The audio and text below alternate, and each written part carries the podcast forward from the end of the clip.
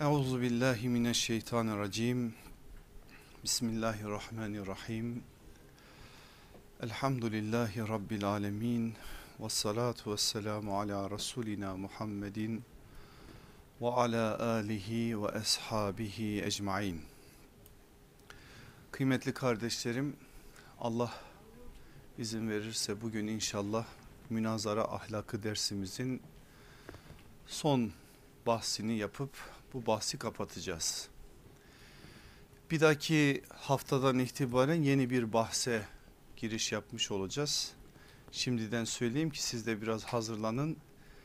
Bilmem moralleriniz mi bozulur, sevinir misiniz, üzülür müsünüz?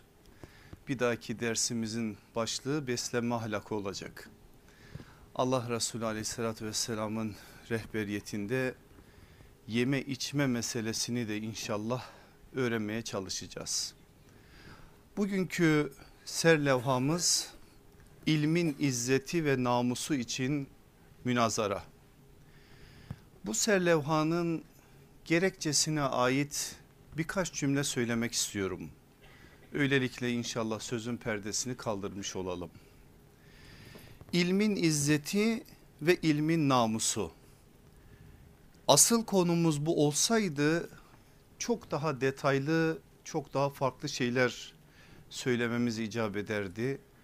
Ama biz bu başlığı münazarayla ilişkilendirerek anlatacağımız için biraz daha kestirmeden temel mesajı vererek sözü devam ettirmemiz doğru olacak. İlmin izzeti der demez aklımıza gelecek iki tane önemli husus var. Bunlardan bir tanesi Allah'ın emir ve yasaklarına azami derecede ittiba. Eğer ilmin izzetinden bahsedeceksek birinci madde bu. İkincisi ise insanlara İslam'ın yaşanabilirliği noktasında azami derecede rehberlik. Tekrar etmek istiyorum çok önemli bunlar. Birincisi Allah'ın emir ve yasaklarına azami derecede ittiba. Burada eğer ilmin sahibi olan bir alim, bir talebe, bir hoca her neyse bunlardan bahsettiğimiz zaman kendisinin azami derecede Allah'ın emir ve yasaklarına ittiba noktasında hassasiyet içerisinde olması gerekir ki ilmin izzeti yerine gelmiş olsun. Hoca için, talebe için, imam için, alim için azametler biraz daha farklı bir biçimde baskın olmalıdır. Azameti kendisi için, kendi nefsi için tercih etmeli ve bunu söylemelidir. Ve bunu söylerken altını doldurarak söylemelidir. Sadece bunu söz, kal boyutunda bırakmamalıdır.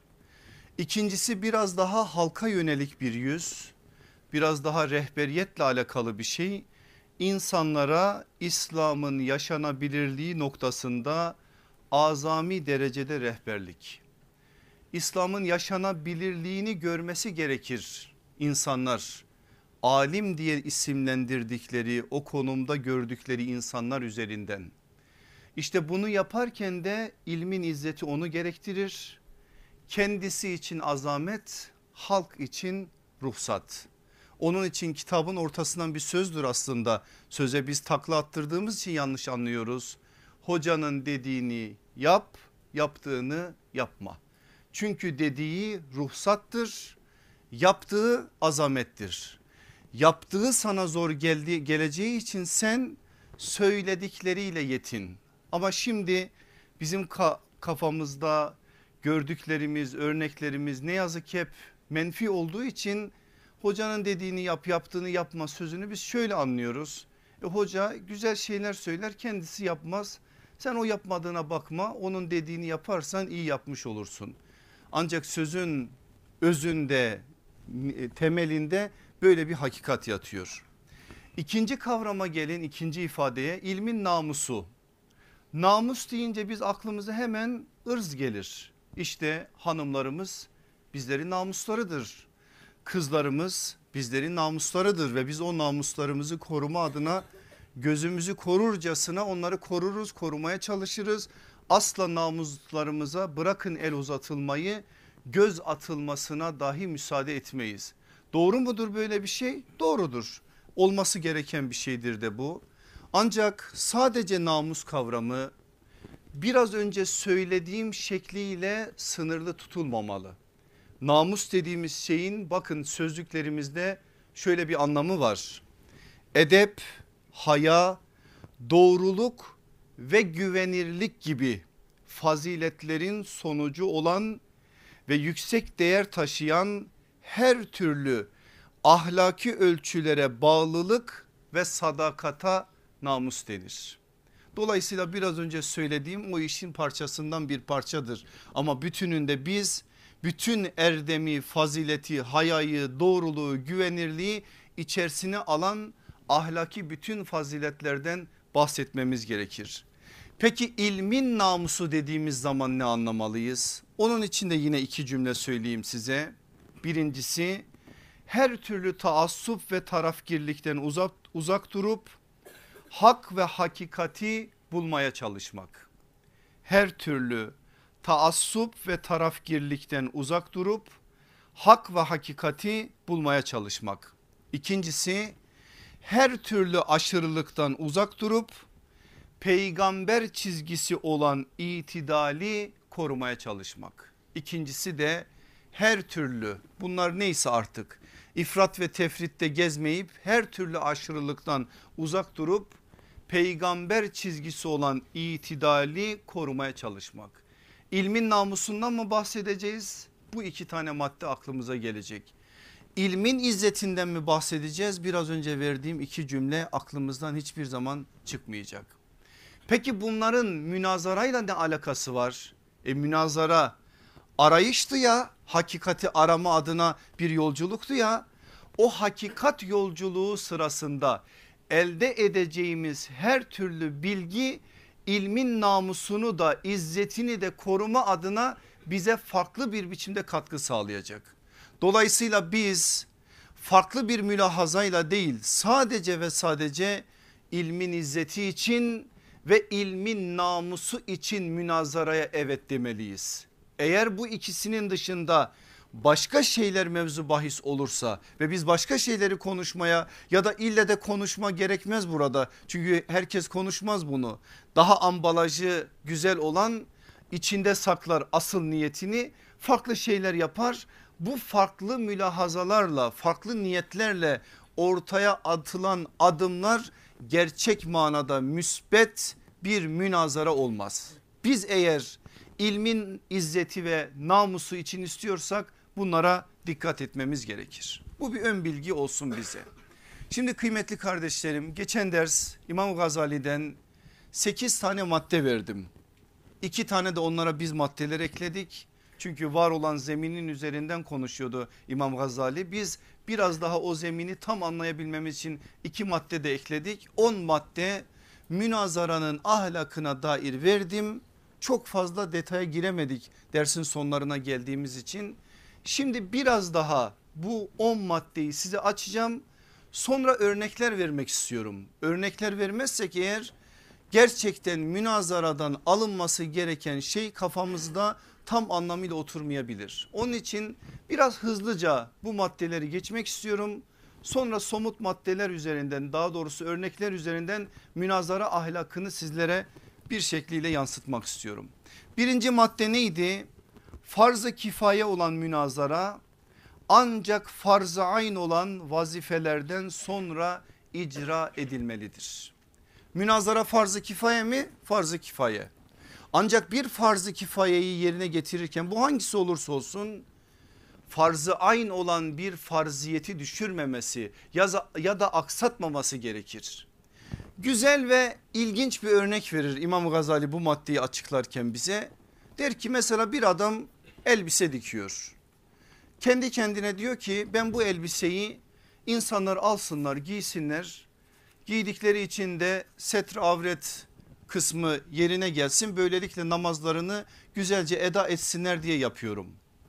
ben bunu yaptığım için böyle bir farziyet yerine getirilsin diye ve insanlar namazlarında ibadetlerini rahatça yerine getirsinler diye o elbiseyi diktiğim için namaz kılmasam da olur. Çünkü ben farzı ayn olan bir işin insanlar tarafından yerine getirilmesi için gayret gösteriyorum.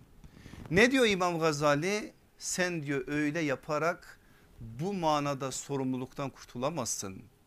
Birileri farz ayını yapsın ama ben kendi farz ayınlarımı yapmayayım. Yok böyle bir şey. Bu tamamen görevden kaçmanın anlamıdır. Şimdi biz münazara için meclisler kuralım. İnsanlarla bu manada bir şeyler yapalım. Ama bunu yaparken üzerimizde yükümlülük olan bazı şeyleri yerine getirmekten de kaçalım. Sadece namaz üzerinden de örneği vermek doğru değil. Şimdi ben size bir şey sorayım siz bana cevap verin. Cihat şu anda bizim için farz ayın değil midir? Farz ayındır. Cihat bizim mükellefiyetimizdir. Ama siz cihadı gitalle sadece özleştirmeyin. Gital yani savaş kısmı onun içerisinden bir parça. Biz şu anda dinimizi korumak, yaymak, tebliğ etmek, irşad etmek bu manada mükellefiyetlerimizi yerine getirmekle bizler sorumluyuz. Şimdi bunu birilerine sadece havale ederek başka şeylerle uğraştığımız zaman o farziyet üzerimizden kalkmıyor. Onun için evet münazara hakikati arama adına hakikati bulma adına bir gayret ama hiçbir bu manada atılan adım bizi farzı ayn olan sorumluluklar, sorumluluklardan geri bırakmamalıdır. Birinci maddenin bize verdiği en önemli mesaj bu. İkincisi o esnada münazaradan daha mühim bir farz-ı kifaye bulunmamalıdır. Evet farz-ı kifaye ama bir şey söylüyor o esnada daha mühim bir farz-ı kifaye bulunmamalıdır. Bunun için de güzel bir örnek veriyor İmam Gazali. Diyor ki mesela susuzluktan kıvranan bir cemaat geldi senin yanına. Sen, senin yapacağın şey o insanlara su içirmek. Sen onu yapmıyorsun ne yapıyorsun?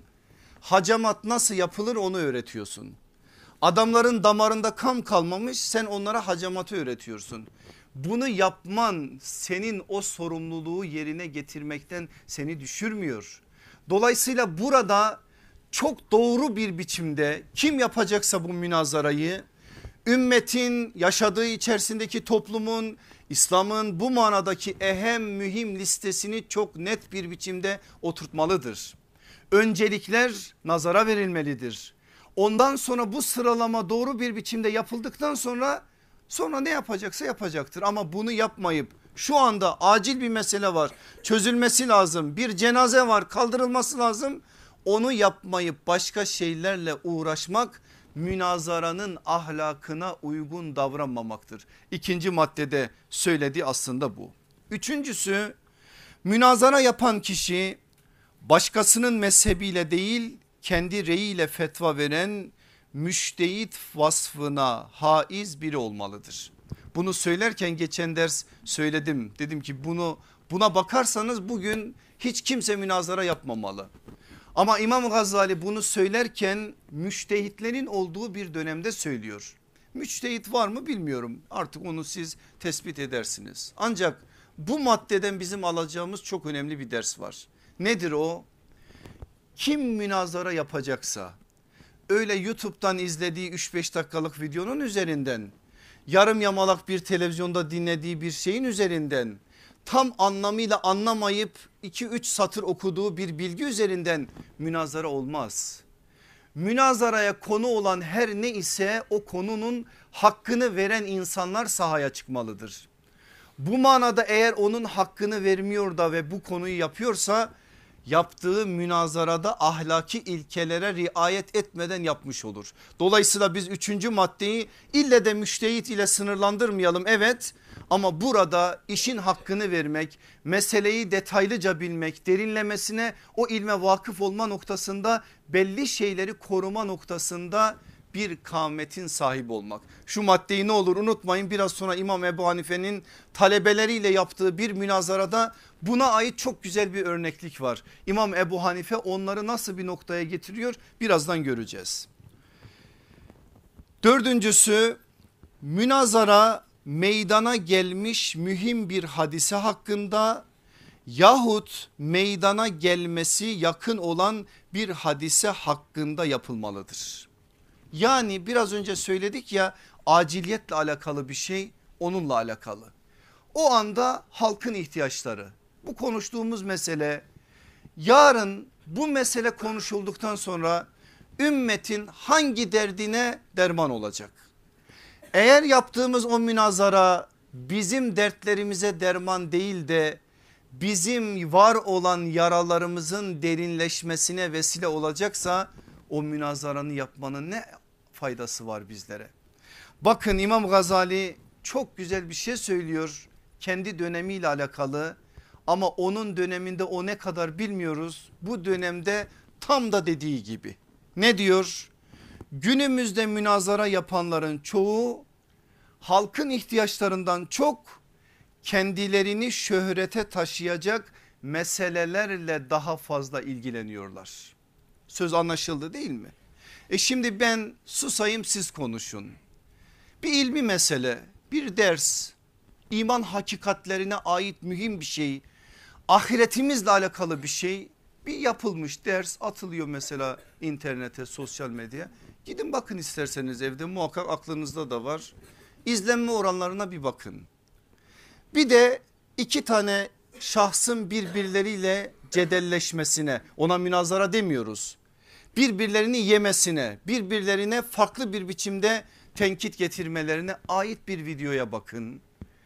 O iman hakikatlerine olan teveccühün kat kat belki 100 katı belki 200 katı daha fazla insanların onlara itibar ettiğini görüyorsunuz. E birilerinin de iştahını açıyor bu. Adam diyor ki ben 50 sene imanı anlatsam kim beni dinleyecek? Birine çatayım da bir şekliyle o gündem oluşsun ben de öylece ortaya çıkayım. İşte bunu böyle şeyleri bir yönüyle ortaya çıkaran aslında biziz.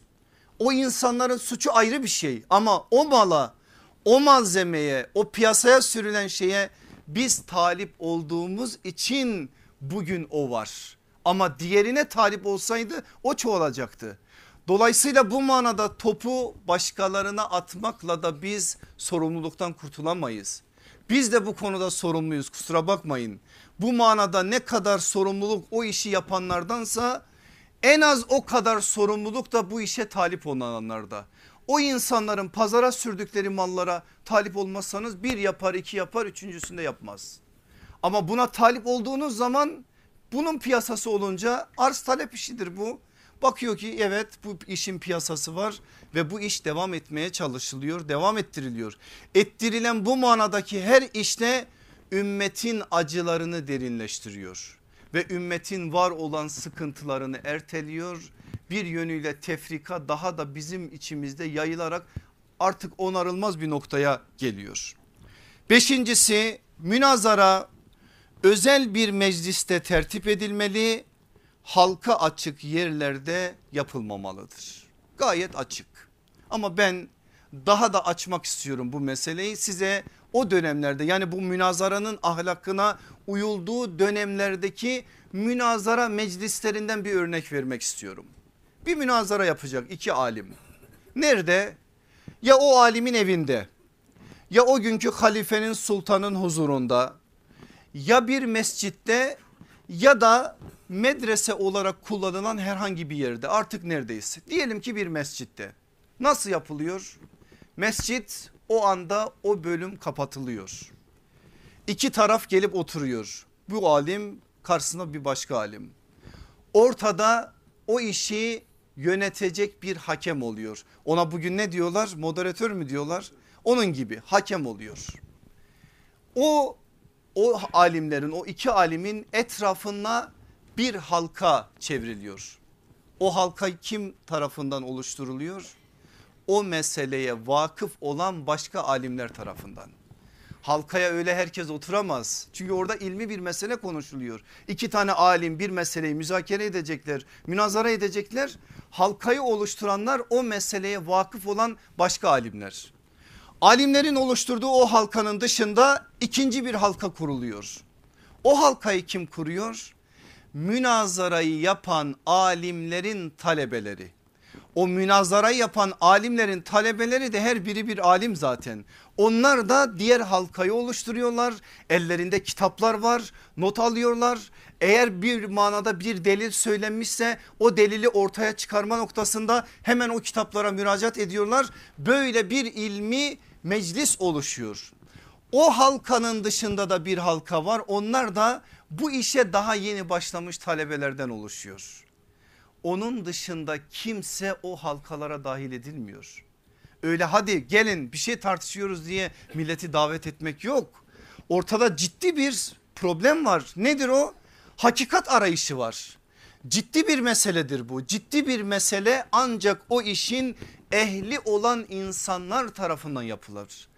Eğer bunu siz avamın eline düşürürseniz inanın ki avamın elinde o iş oyuncağa döner. Şimdi benim aziz kardeşlerim madem burada biz kendi dertlerimizi konuşuyoruz dertlerimize ait bir şey söyleyeyim size. Şöyle bir yanlış algı var bazı kardeşlerimizde. Eğer diyorlar biz falanca cemaati kötülersek falanca cemaatin başındaki hocayı imamı neyse kötülersek kendimize daha fazla taraftar buluruz. Doğru mu bu manada yaptıkları o ayrı bir mesele. Bulurlar mı taraftar? Evet bulurlar kısa vadede. Ama ben daha ciddi bir hakikate ve bir büyük meseleye dikkatlerinizi çekiyorum bu manadaki tartışmaların yani birilerini karalama, birilerinin cemaatini nazardan düşürme ya da toplum önünde farklı bir konumda olan bir hocayı, bir alimi, bir önderi her neyse bir şekliyle bu dil ve bu üslup üzerinden nazardan düşürme uzun vadede bütün alimlere ve ilme verilmiş en büyük zarardır. Çünkü yapılan iş bir şahsın itibarını zedelemekle kalmıyor. Ne olur buna dikkat edin. Yapılan iş sadece bir cemaatin itibarını zedelemekle kalmıyor. Yapılan iş bütün hocaların, alimlerin, İslami hizmetlerin ya da ilim noktasında ortaya konan her türlü şeyin itibarını zedeliyor. Ve öyle bir noktaya geliyor ki avam halk şunu söylüyor haklı olarak ben o çerçeveden bakınca onları haklı görüyorum. Kimi dinleyeceğiz arkadaşım? Herkes bir başka bir şey söylüyor. O onu diyor, o onu diyor. Ben ne, ne nasıl işin içine çıkacağım? En iyisi hiçbirini dinlemeyeyim. Tamam hiçbirini dinleme. Ne yapacaksın peki? Kafasına göre iş yapacak. E kafasına göre iş yaptığı zaman da doğru mu yapacak? avamın yapacağı bu mudur? Eğer bu manada bir rehberiyet olmazsa o insanlar nasıl yürüyecekler? Nasıl bir noktaya gelecekler? Dolayısıyla cemaatlerin, vakıfların, derneklerin fark etmez. Birbirleri arasında olan yarış rekabete dönüştüğü zaman bu rekabet bir yönüyle karalamaya dönüştüğü zaman kısa vadede adam kapabilirsin belli bir biçimde birinin değerini düşürerek kendine değer ekleyebilirsin. Birinden itibar çalarak kendine itibar katabilirsin ama uzun vadede bu asla kalamaz. Netice itibariyle de olan ilme olur. O ilmi bir yönüyle temsil eden alimlere olur. Ne olur? Buna dikkat edelim. Aslında bu ilmi münazaranın halkın huzurunda değil de bu işin ehli olan insanlar arasında yapılmasının en önemli sebebi de bu. Çünkü münazara tartışıyor o delil getiriyor öteki onun delilini çürütüyor öteki başka delil istiyor. Bazen sesler yükseliyor bazen farklı bir noktaya geliyor onlara eğer avam meseleyi bilmeden vakıf olursa iki tarafı da bir yönüyle gözünden düşürecek bir noktaya kendini getirebilir Allah korusun. İşte İmam Gazali'nin özellikle burada dikkatimizi çektiği madde böyle bir şey. Bakın yine kendisi bu bahiste şöyle bir cümle kullanıyor. Kalabalıklar önünde yapılan münazara insanı Allah rızasından koparıp tarafları riyaya sevk edebilir. Doğru mu? İnanın ki doğru. Şimdi insanlar var mesela diyelim ki hoca talebeleriyle birlikte bir münazarada. E ne yapmalı? Korumalısı lazım kendine göre o makamı. Orada talebelerinin huzurunda kendi yenildiğini kabul edebilmesi çok kolay bir şey değil. İnsanın onu yapabilmesi için gerçekten ihlas adına meseleyi çözmüş olması lazım. O manada hiçbir sıkıntısı olmaması lazım. Öyleyse eğer çok öyle kalabalıklar huzurunda yapılmaması gereken bir iş olduğunu öğreniyoruz buna bunu. Bu manada eğer biz daha farklı bir biçimde ilmi müzakereleri daha özel daha böyle mahrem bir meseleymiş gibi algılayıp yaptığımız zaman fayda daha farklı olacaktır. Altıncı madde münazara hakkın hakikatin ortaya çıkması amacıyla yapılmalıdır. Güzel bir örneği var yine İmam Gazali'nin bir şeyi kaybettin diyor. Arıyorsun arıyorsun bulamıyorsun. Başka biri senin kaybettiğini buluyor. Kaybettiğin şeyi getirip sana verdiğin, verdiği zaman sen o bulan adamı kınar mısın? Hatta ona teşekkür edersin. Senin kaybını buldu. E münazarada ne aranıyor? Hakikat. Ha ben bulmuşum ha başkası bulmuş. Ne, ne fark eder? İşte budur asıl olan. Dolayısıyla burada hakikatin ortaya çıkarılmasının amacıyla yapılmalı. Eğer böyle yapılıyorsa hikmet müminin yitiğidir. Hangi mümin bulursa bulsun karşıdaki mümin onu takdir etmeli bir yönüyle onu taltif etmelidir. Taş Köprüzade'nin bununla alakalı bir sözü münazara edecek kişi gerçeği aramakta kaybını arayan kimse gibi olmalıdır. Hatırlıyor musunuz geçen ders söylediğim sözü İmam-ı Şafi ve başka salihlerden aktardım. Münazaraya başlamadan önce nasıl dua ediyorlardı? Allah'ım sen hakikati karşıdaki kardeşimin dilinde tecelli ettir. O söylesin hakikati. Bundan daha güzel bir şey var mı Allah aşkına? İşte budur mesele. Bu çerçeveden anladığımız zaman zaten meseleyi doğru anlayacağız. Yedincisi delilden delile ve sualden suale intikal men edilmemelidir. Yani şahıs söylediği şeyde delilleri getirmeli.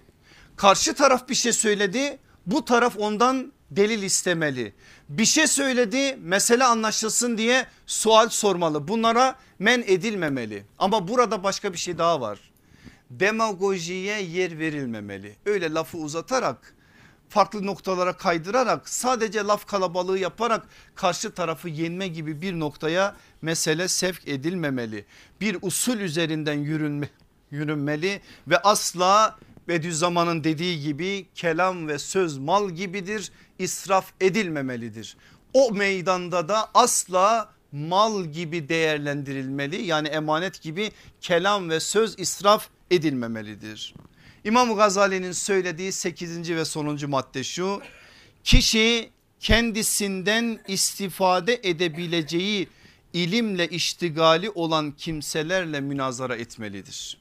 Bir şey alacaksa eğer münazara edilir. Almayacaksa niye edilsin? Münazarayı kendisinden istifade edilmesi umulan alimlerle yapmalıdır diyor İmam Gazali. Yine hatırlamış olmanız lazım bu madde sizin zihinlerinize hemen getirmeli İmam Şafii rahmetullahi aleyhin o sözünü. Ne kadar alimle tartıştımsa yendim ne kadar cahille tartıştımsa yenildim. Öyledir.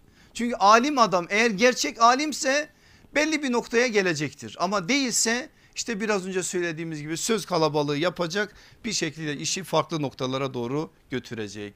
İki maddeyi de sadece okuyup geçiyorum.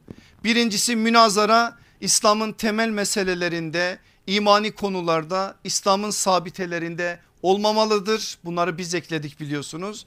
İkincisi de münazara sonunda sonuç ne çıkarsa çıksın tekfire kapı açılmamalıdır. Şimdi benim aziz kardeşlerim bu kadar bilginin üzerinden biraz görelim bakalım nasıl yapıyormuş alimlerimiz münazaraları. Ben bu hafta geçmi, geçen hafta biraz bu meseleyle alakalı kitaplarımızı karıştırdım. İnanılmaz derecede bir birikim var elimizde.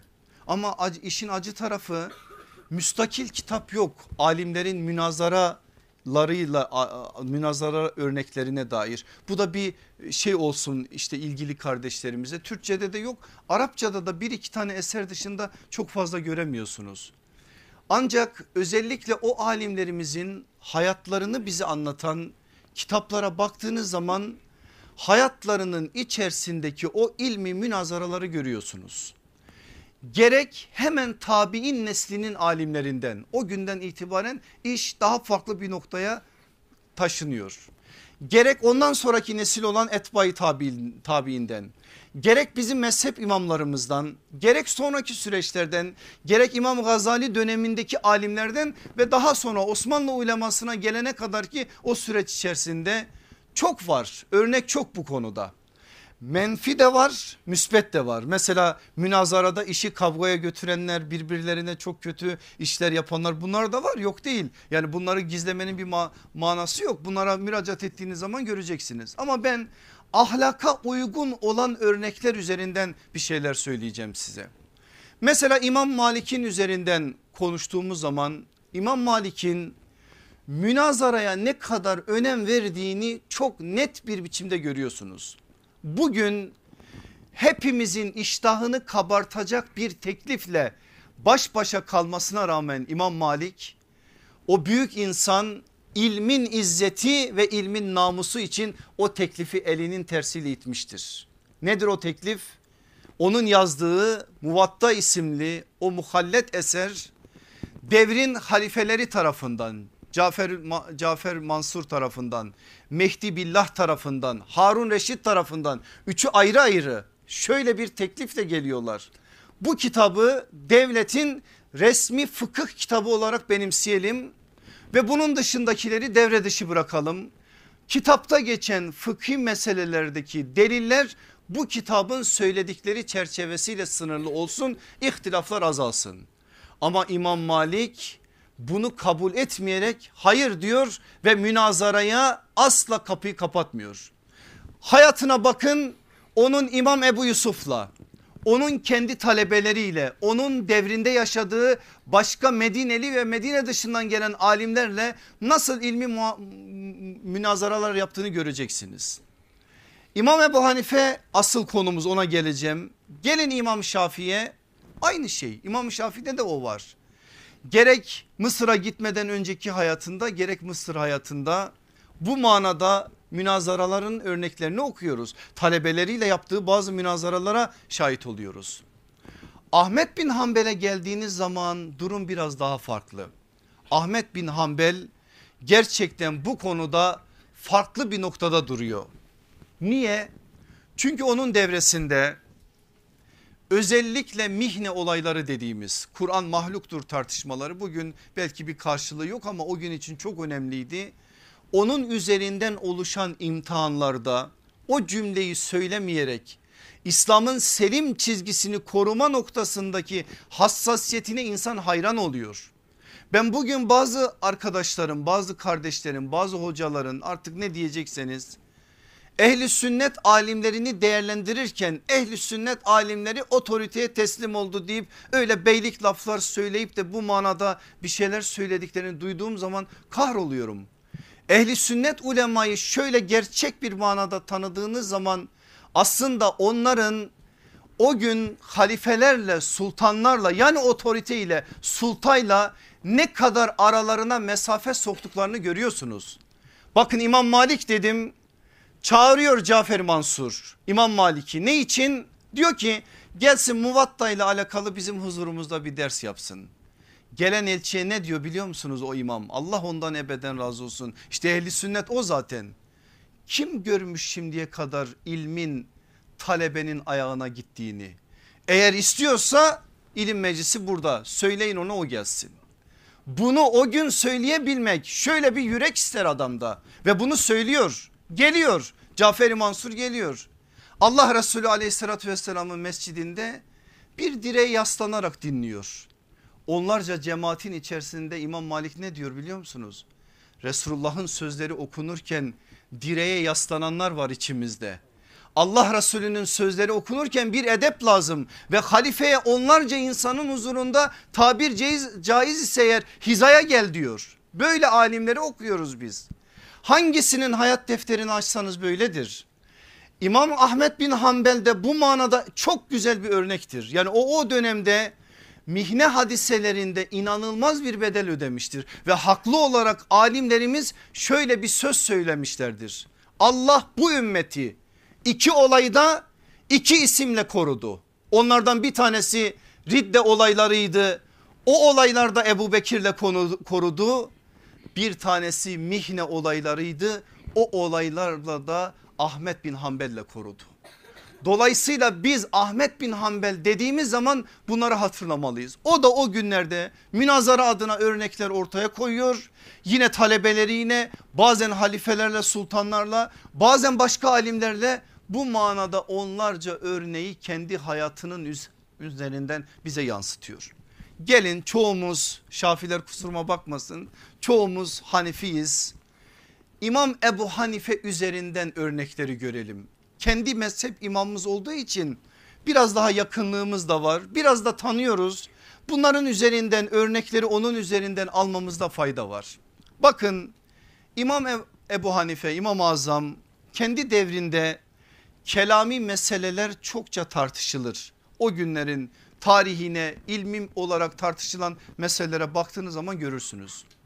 Mezhep imamımız olan İmam Ebu Hanife de o kelami tartışmalara katılır gerçekten onlarda bazen mesela ateistlerle yani güya tanrı tanımaz bu manada işte Allah'ın varlığını inkar eden şüpheler düşüren böyle bir zümre de oluşuyor o günlerde. Bunlarla da bir şekliyle onun mücadelesi var. Onlara söylediği çok güzel sözler var. O bahis başka bir bahis olduğu için ilgili arkadaşlar ona bakabilirler. Ama onun dışında farklı mezheplerden farklı fırkalardan insanlar gelip kelabi bir meseleyi bazen münazara bazen münakaşa etmek istedikleri zaman İmam Ebu Hanife onlara kapılarını kapatmıyor. Ama İmam Ebu Hanife'nin bir oğlu var. Oğlunun adı Hammad. Hammad kim? O ismin aslında bir özel yeri var. Hammad bin Ebi Süleyman. İmam Ebu Hanife'nin hocası. Hocasına karşı müthiş bir sadakati var. Onun için oğluna hocasının ismini koyuyor. 22 yaşında İmam Ebu Hanife Hammad bin Ebi Süleyman'ın yanında talebe oluyor. 22 yaşından 18 yıl devamlı bir biçimde 40 yaşına kadar talebeliğini devam ettiriyor. 30'lu yaşlarda 35'li yaşlarda insanlar fetva soruyorlar. Teveccühü nas adamın ayağını kaydırır teveccühü nas acayip bir şey. Şimdi biz sosyal medyayla bu manada imtihana tabi tutuluyoruz. 2-3 tane beğenme aldıkları zaman gıdıklanan arkadaşlar var içimizde. Bu ayrı bir de böyle bir şey var. Onlarca insan farklı farklı yerlerden gelip meseleler soruyorlar. Buna dur diyebilmek baba yiğit adamın işidir. İşte İmam Ebu Hanife hocası vefat edene kadar kürsüye çıkmıyor. Sadakat böyledir işte. Ne zaman hocası vefat ediyor ondan sonra o kürsünün başındadır. Artık iş başa düşmüştür. O manada kendisi o meydanın hakkını verme adına gayret gösterecektir. Bu işin ayrı bir boyutu. Oğlu Hammat'a şöyle bir tavsiyede bulunuyor İmam Ebu Hanife. Oğlum diyor bakıyorum sen çok kelami tartışmalara giriyorsun. Sakın bundan sonra kelami meseleler üzerinden münakaşa ve münazaraya girdiğini görmeyeyim. Şaşırıyor oğlu babası İmam Ebu Hanife diyor babacığım bana yasakladığın şeyi senin yaptığını görüyorum. Sen kendin yaptığın şeyi niye bana yasaklıyorsun? Bakın söylediği sözleri aynen size okuyorum. Evladım bizler münazarada biriyle konuşurken arkadaşımızın ayağının hak yoldan kayması endişesiyle her birimizin başında bir kuş var da o kuşu uçurtmamak için korkuyla davranırdık. Ona göre hesaplı konuşurduk. Halbuki sizler konuşurken münazara ederken her biriniz arkadaşınızın ayağının kaymasını ve onun sapmasını istiyorsunuz. Bu arkadaşının mesele kelami mesele olduğu için böyle söyleyecek. Bu arkadaşının kafir olmasını istemek gibidir. Kim arkadaşının kafir olmasını isterse arkadaşı kafir olmadan kendisi kafir olur. İmam Ebu Hanife oğluna bunu söylüyor. Olayı bize aktaran Burhanettin Ezzernuci Talimul Müteallim'de şöyle bir son madde yazar bu bahsin altına. Kelam ve münazara ilmini ihtiyaçtan fazla öğrenmek mekruhtur. Neden? Çünkü insanı bu noktaya getirir. Sen bu meseleleri başlarsan tartışmaya varacağı nokta yer bellidir. Bakın münazara ahlakına ait oğluna söylediği bu sözler üzerinden böyle önemli bir örnek alıyoruz. Başka bir örnek aktarayım size. Hanefi mezhebinin büyük imamlarından Kadı Es-Saymeri anlatıyor bize. Onun İmam Ebu Hanife için müstakil olarak menakıplarını derlediği bir menkıbe kitabı var. Kitabın tamamı İmam Ebu Hanife'nin menkıbelerinden oluşuyor. İmam varmış gitmiş Basra'ya uzun bir süre kalmış Meydan boş kalmış talebelere talebeler de başlamışlar bazı meseleleri konuşmaya. Meseleler çözmüşler tabi meseleler çözünce biz erdik bittik artık biz kendi hocamızın sırtını da yerine getir, sırtını da yere getirebiliriz gibi bir noktaya gelmişler. Bunun üzerine bir meseleyi akıllarında iyice belirledikten sonra İmam Ebu Hanife'nin Basra'dan dönüşünü beklemişler. İmam Ebu Hanife Basra'dan dönünce şehre girmeden hemen yanı başındalar. Hocalarıyla konuştup hoşbeş ettikten sonra o meseleyi soruyorlar. O meseleyi sordukları zaman İmam Ebu Hanife meselenin ne olduğunu bilmiyoruz. Meselenin cevabı şudur diye cevabını veriyor. Talebeler diyorlar ki ya imam Bağdat size yaramamış. Biz bu meseleyi günlerdir aramızda konuşup tartışıyoruz. Vardığımız sonuç sizin gibi değil. İmam Ebu Hanife kendinden emindir. Söyleyin diyor peki bakalım siz nasıl bir delille bu meseleyi savunuyorsunuz? Talebeleri delillerini söylüyor. İmam Ebu Hanife diyor bitti mi? Bitti diyor talebeler. Delillerinizi birer birer çürütüyorum diyerek birer birer delillerini çürütüyor. Peki diyor talebeleri senin bu mesele hakkındaki görüşün nedir? İmam Ebu Hanife kendisinin görüşünü söylüyor. Talebeler diyor ki delili var mı imam? Delillerini de söylüyor. Talebeler özür dileyerek tamam diyorlar ya imam senin dediklerin doğru. Hayır diyor. Ben şimdi kendi söylediğimin de delillerini çürütebilirim. Başlıyor kendi söylediklerinin delillerini de çürütmeye. Deliller çürüyünce o şeyde çöküyor fetva. Bu sefer talebeler diyor ki o zaman bizimki doğru. Hayır diyor ben size yeni bir şey de söyleyebilirim. Yeni bir şey söylüyor onun da delillerini söylüyor. Talebelerin tabi kafa epey karışmış. Peki diyorlar ki hangisi doğru? İmam Ebu Hanife ilk söylediğinin doğru olduğunu söylüyor. Tekrardan onu şüpheye yer bırakan delillerini söyleyerek ortaya koyuyor. Son sözü nedir biliyor musunuz İmam Ebu Hanife'nin Hanife'nin evlatlarım münazara böyle yapılır öyle sadece bir meseleyi alıp da 2-3 tane delile yaslayıp da karşıma çıkarsanız olacağı budur. Bakın burada edep de öğretti, yol da gösterdi, yöntemi de bize söylemiş oldu. Başka bir meseleyi anlatıyor bize yine kaynaklarımız tartışmadaki edeple alakalı. Birisiyle tartışıyor. Tartışma biraz uzuyor. Münazara aslında. Karşıdaki insan şöyle bir şey söylüyor İmam Ebu Hanife'ye. Ey zındık ey bidatçı diyor İmam Ebu Hanife'ye. İmam Ebu Hanife üzülüyor ama bu söze aynı tonda karşılık vermiyor. Bakın şöyle bir karşılık veriyor. Allahu Teala seni affetsin. O iddia ettiğin gibi olmadığımı sen çok iyi biliyorsun. Zira kendimi bildiğimden beri bir an dahi Allah'ı terk etmedim. Sadece Rabbimin mağfiretini umarım onun azabından da korkarım. Bunu söylerken parantez içerisinde şunu da okuyoruz. Diyor ki İmam Ebu Hanife onun azabından korkarım dediği zaman sesi titredi ve gözünden yaş geldi. Bu sözü söyleyen karşısındaki adam pişman oldu ve dedi ki hakkını helal et. Ben haddimi aştım ve olmayacak bir söz sana söyledim. Bakın yine çok önemli bir şey söyleyecek İmam Ebu Hanife dedi ki cahillerden her kim hakkımda hoş olmayan şeyler söylerse onlara hakkım helal olsun.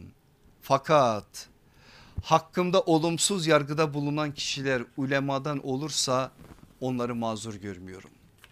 Darlıkta kalsınlar. Allah onlara hiç rahat yüzü göstermesin. İmam Ebu Hanife söylüyor bunu.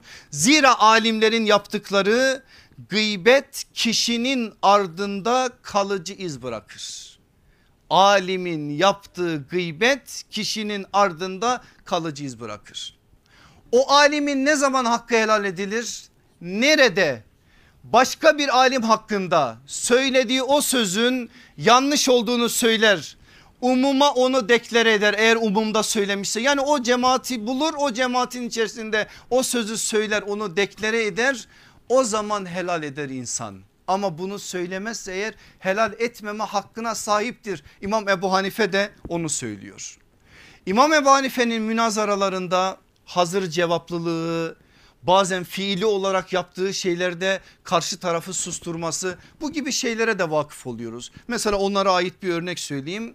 Hariciler o günde var geçen ders gördük haricileri İbn Abbas'la yaptıkları münazarayı hatırlıyorsunuz. Onlardan birisi alim de bizzat yani bilen birisi Dahhak İbni Kays isimli geliyor. İmam Ebu Hanife diyor ki sen diyor kafirleri savunuyorsun. Hakem olayını kabul eden Ali ve Muaviye haşa küfre girdiler ama duyuyorum ki sen onlar hakkında iyi şeyler söylüyorsun. İmam Ebu Hanife o zata o Dahhak İbni Kays'a diyor ki gel diyor bu meseleyi münazara edelim. Sen beni öldürmek mi istiyorsun yoksa bu meseleyi konuşmak için mi geldin? Konuşmak için geldim. Gel o zaman münazara edelim. Hadi bu meseleyi beraberce münazara edeceğimiz bir meclis oluşturalım. E ne yapacağız münazara yapmak için? Bir tane hakeme ihtiyaç var. Hakemi de sen seç diyor Dahhak İbni Kays'a. Senin beğendiğin adam hakem olsun. Adam seçiyor hakemi hakem de gelip oturuyor. İmam Ebu Hanife diyor ki sen bu hakemin hakem olarak tayinine razı mısın? Dahhak diyor ki evet razıyım. Şimdi bu adamın biz konuştuğumuz süre içerisinde vereceği her türlü hükme rıza gösterecek misin? Göstereceğim diyor. Diyor ki senin yaptığınla Hazreti Ali ve Hazreti Muaviye'nin yaptığı arasında ne fark var? Aynı şey. Adam bir anda renkten renge giriyor. Çünkü orada sözlü olarak onu söylemeye gerek yok. Yapılan işi fiili olarak ortaya koyduğun zaman o adamı zaten münazarada yenmiş olursun ya da daha doğrusu hakikatin ortaya çıkması noktasında olması gereken neyse onu çıkarırsın.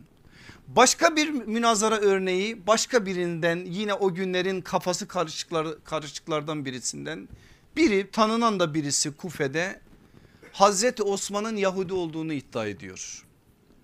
İmam Ebu Hanife bunu duyuyor. Adamı kurtarmak için adamı derdi odur aslında İmam Ebu Hanife'nin yoksa adamla herhangi bir şey yok. Adamı kurtarmak için onun yanına gidiyor. Ne için biliyor musunuz? Ben sana münazaraya geldim falan değil. İşte gerçek imam budur. Ben diyor senin kızlarından birine talip olmaya geldim. İmam Ebu Hanife gibi bir dünürcü gitmiş kapısına. Adam seviniyor, izzet ikramda bulunuyor. Kimin için diyor ey imam? Öyle biri için ki sabahlara kadar namaz kılan, Mushaf'ın başından hiç ayrılmayan, gözyaşlarıyla Kur'an okuyan, malını Allah yolunda infak eden sayıyor bir şeyler. Sayılan şeyler biliyorsunuz Hazreti Osman'ın vasıflarıdır. Sayıyor sayıyor adam diyor ki dur yeter diyor. Bu kadarının birazı bile birinde olsa aklı olan adam ona kız vermez mi diyor. Ama diyor İmam Ebu Hanife bu adamın bir kusuru var. Nedir diyor kusuru? Adam diyor Yahudi.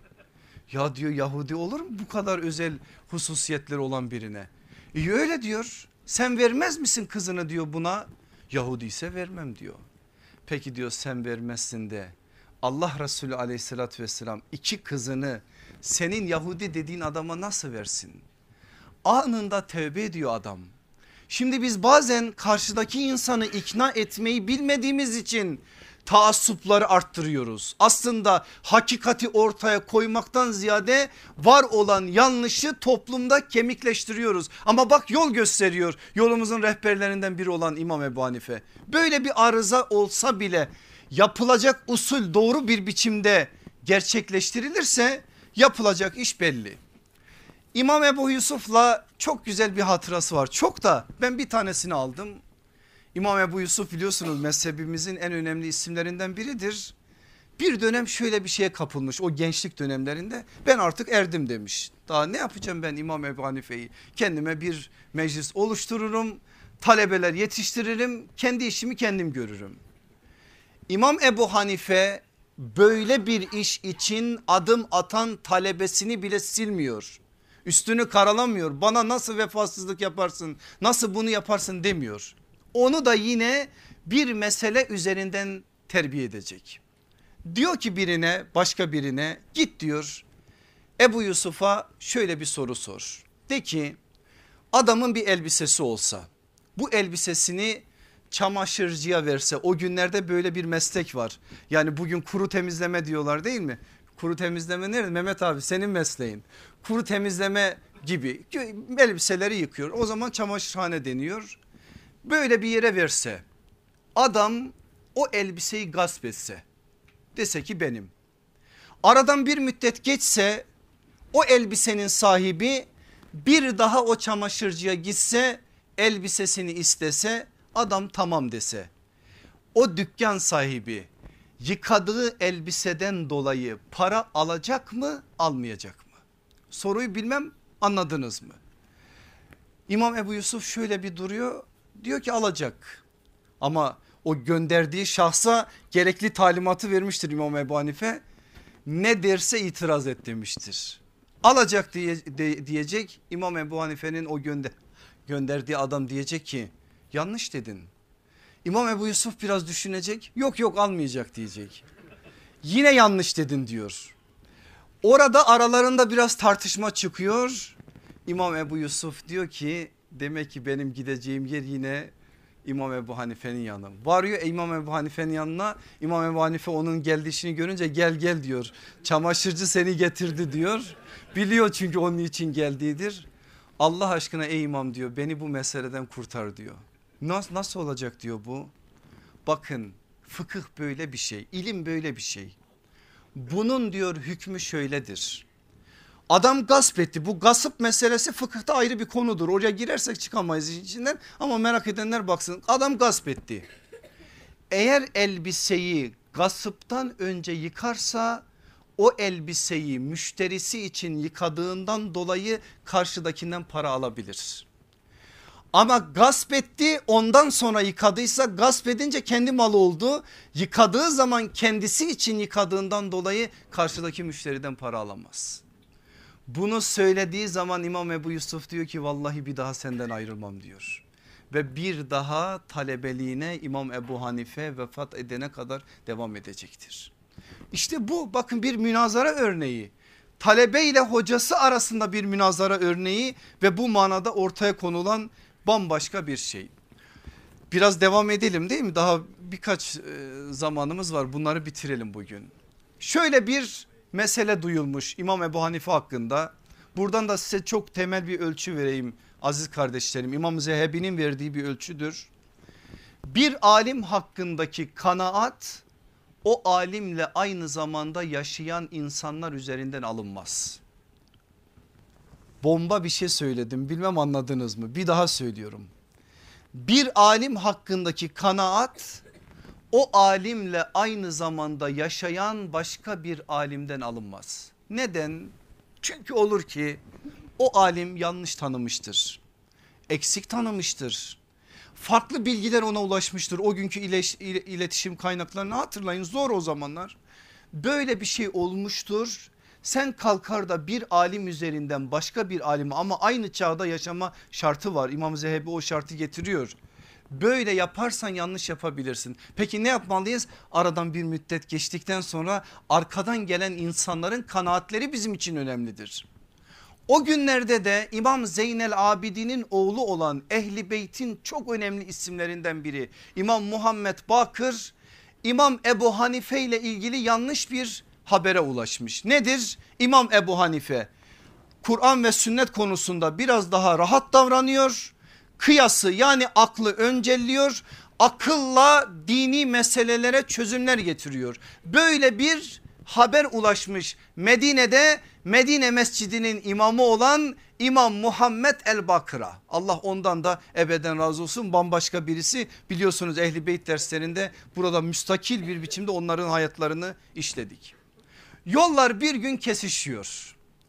İmam Muhammed Bakır Medine'de İmam Ebu Hanife'yi karşısında görünce şöyle sert bir cümle söylüyor. Sen diyor dedemin bize miras bıraktığı İslam'ı el ayağa düşüren adam akılla kıyasla hareket edip dini bozan adam değil misin?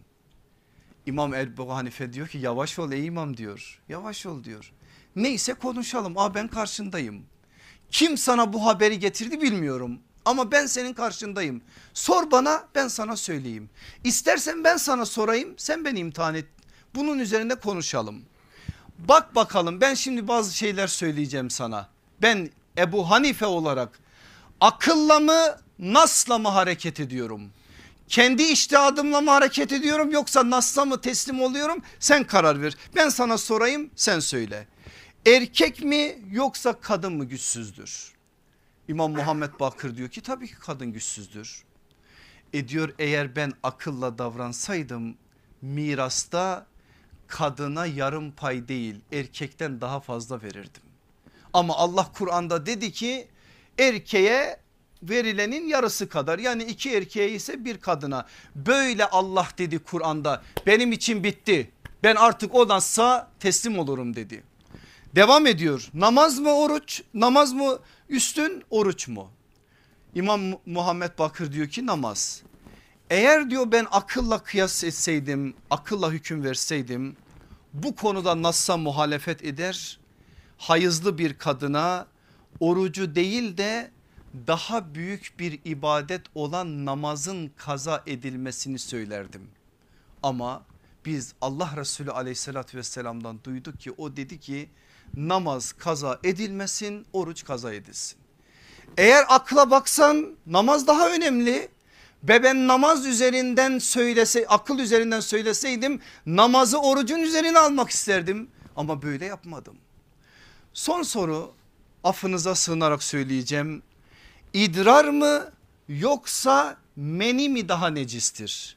İmam Muhammed Bakır diyor ki idrar. Eğer diyor ben akılla hükmetseydim idrar çıktığı zaman gusül alınmasını isterdim. Ama ben Nas'a teslim oldum. İdrar çıkınca abdest, men, meni çıkınca gusül. Nas öyle söylüyor ben de ona teslim oldum diyor. İmam Muhammed el Bakır kendisine gelen haberlerin yanlış olduğunu anlıyor. Şöyle bir sarılıyor İmam Ebu Hanife'ye tam da bir alnından öpüyor onu takdir edip orada İmam Ebu Hanife için çok farklı sözler söylüyor. Bakın bir münazara ikisi de alim Muhammed el Bakır da o biçim bir insan İmam Ebu Hanife ile arasındaki bu görüşmede bir şey öğreniyoruz. Nasıl bir usul üzerinden gittiğine dair. Başka bir örnek daha vereyim size.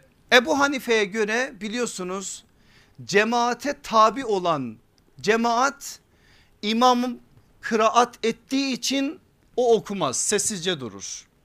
Ama onun dışındaki geri kalan imamların çoğu cemaatin de okunması gerektiğini söyler. Ve bu da bir gün orada bir tartışmaya sebebiyet vermiştir. Bir grup toplanmış İmam Ebu Hanife'yi bu görüşünden vazgeçirmek için imamın huzuruna gelmişler. Sen böyle bir şey söylüyorsun biz de bunu söylüyoruz demişler. Ne diyorsun bu konuda? İmam Ebu Hanife demiş ki e siz çoksunuz ben hangi birinizle tartışayım? İçinizden birini seçin o sizin imam, imamınız olsun ben de onunla tartışayım. İşlerinden birini seçmişler. Şimdi ben bu adamla tartıştığım zaman siz bu insanın söylediklerinin hepsini kabul edecek misiniz? Edeceğiz diyorlar. Ben ona söylediğim delillere o da karşı deliller söyleyecek. Onun söylediği delillere delilleri siz tasdik edecek misiniz? Tasdik edeceğiz diyorlar. E diyor benim de yaptığım bu zaten. İmam okursa eğer bizim yaptığım okuduğum, okumamızın yerine de geçer diyor. Dolayısıyla orada kendi görüşünü kendi söylediği bir meseleyi delillendirme noktasında farklı şeyler söylemiyor. Böyle karşı taraftaki insanı da ikna edici olarak bu manada bazı şeyler söylüyor. Onların da ikna olmaları için gerekli şeyleri ortaya koyuyor. Çok daha ama vakit geçti. Son bir bahis söyleyeyim arkadaşlar. Bu bahsi öylece kapatalım. İhya-i Ulumiddin'e baktığınız zaman göreceksiniz. Bu münazara bahsini anlatırken şöyle bir başlık açıyor İmam Gazali. Eğer yapılan münazara müsbet değilse yani o ahlaki ilkelere uymuyorsa menfi münazaradır. Menfi münazara da 10 tane afete yol açar.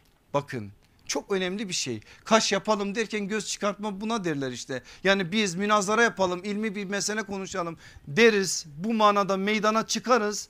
Ama ilkelere dikkat etmediğimiz zaman Allah korusun bu manada bazı şeyleri kaçırdığımız zaman faydadan çok zarar olur. İşte İmam Gazali ona dikkat çekiyor ve 10 tane afete yol açar diyor. Nedir onlar? Birincisi haset hastalığını tutuşturmak. İkincisi kibir felaketine düçar olmak. Ayrıntılarını İhya'da okuyun. İhya'nın tercümesi de var zaten. Üçüncüsü kindarlık çukurlarına yuvarlanmak. Dördüncüsü gıybet bataklığına batmak. Ama şunu söyleyeyim gidip İhya'da göremediğiniz zaman bana kızmayın. İmam Gazali sadece haset diyor. O diğerlerini ben ekliyorum ki aklınızda iyi dursun. Haset diyor o ben diyorum ki haset hastalığına tutuşmak. O kibir diyor ben diyorum ki kibir felaketine düçar olmak. Kindarlık çukurlarına yuvarlanmak, gıybet hastalığına batmak. Beşincisi bakın gözden kaçırıyoruz ama çok önemli şeyler bunlar. Nefsini teskiye etmek.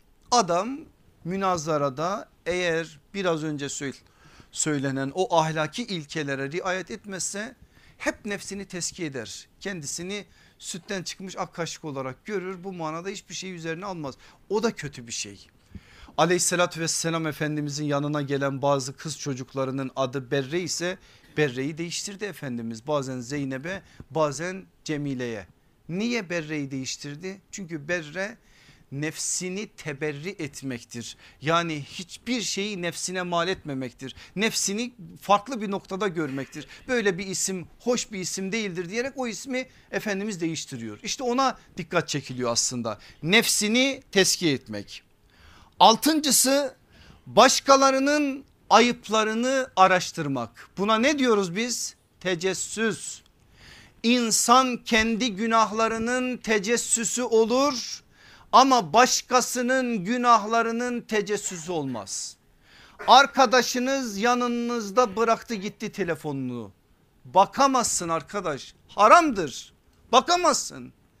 Bu kadar dikkatli olmak zorundasın. Tecessüs özel alanına giremezsin. Senin evladın olsa kızın olsa oğlun olsa ona ait olan alanlara giremezsin. Böyle bir şey hakkın yok. Sen bu kadar mesele hassassa eğer diğerlerini artık düşün. Karşıdakini mağlup etmek için her türlü şey yapabilirsin. Kim dedi bunu sana? İslam adına bu yapılmaz bunu bil bunu sen, nefsin adına yapıyorsun.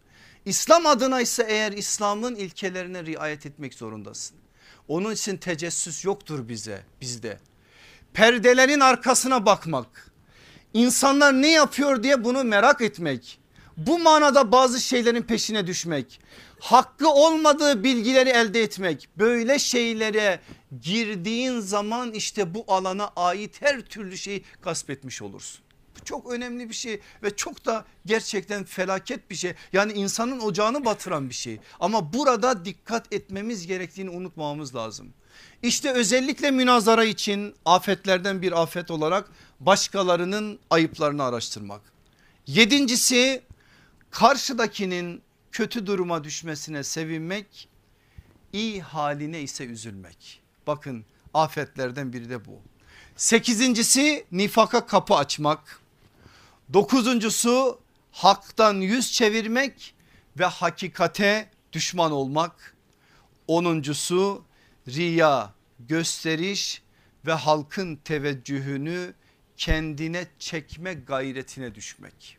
Onuncusunu bir daha tekrar ediyorum. Riya, gösteriş ve halkın teveccühünü kendine çekme gayretine düşmek. Allah bu afetlerin hepsinden bizleri muhafaza eylesin. Münazara ahlakı dediğimiz önemli alanın bize söylediği cümleler, mesajlar bunlar elbette ki hiçbirini biz tam söylemediğimiz gibi bugününkünü de tam söyleyemedik ama inşallah mesaj anlaşılmıştır. Rabbim bu anladığımız mesajlarla hayatımızı imar ettirsin. Velhamdülillahi Rabbil Alemin.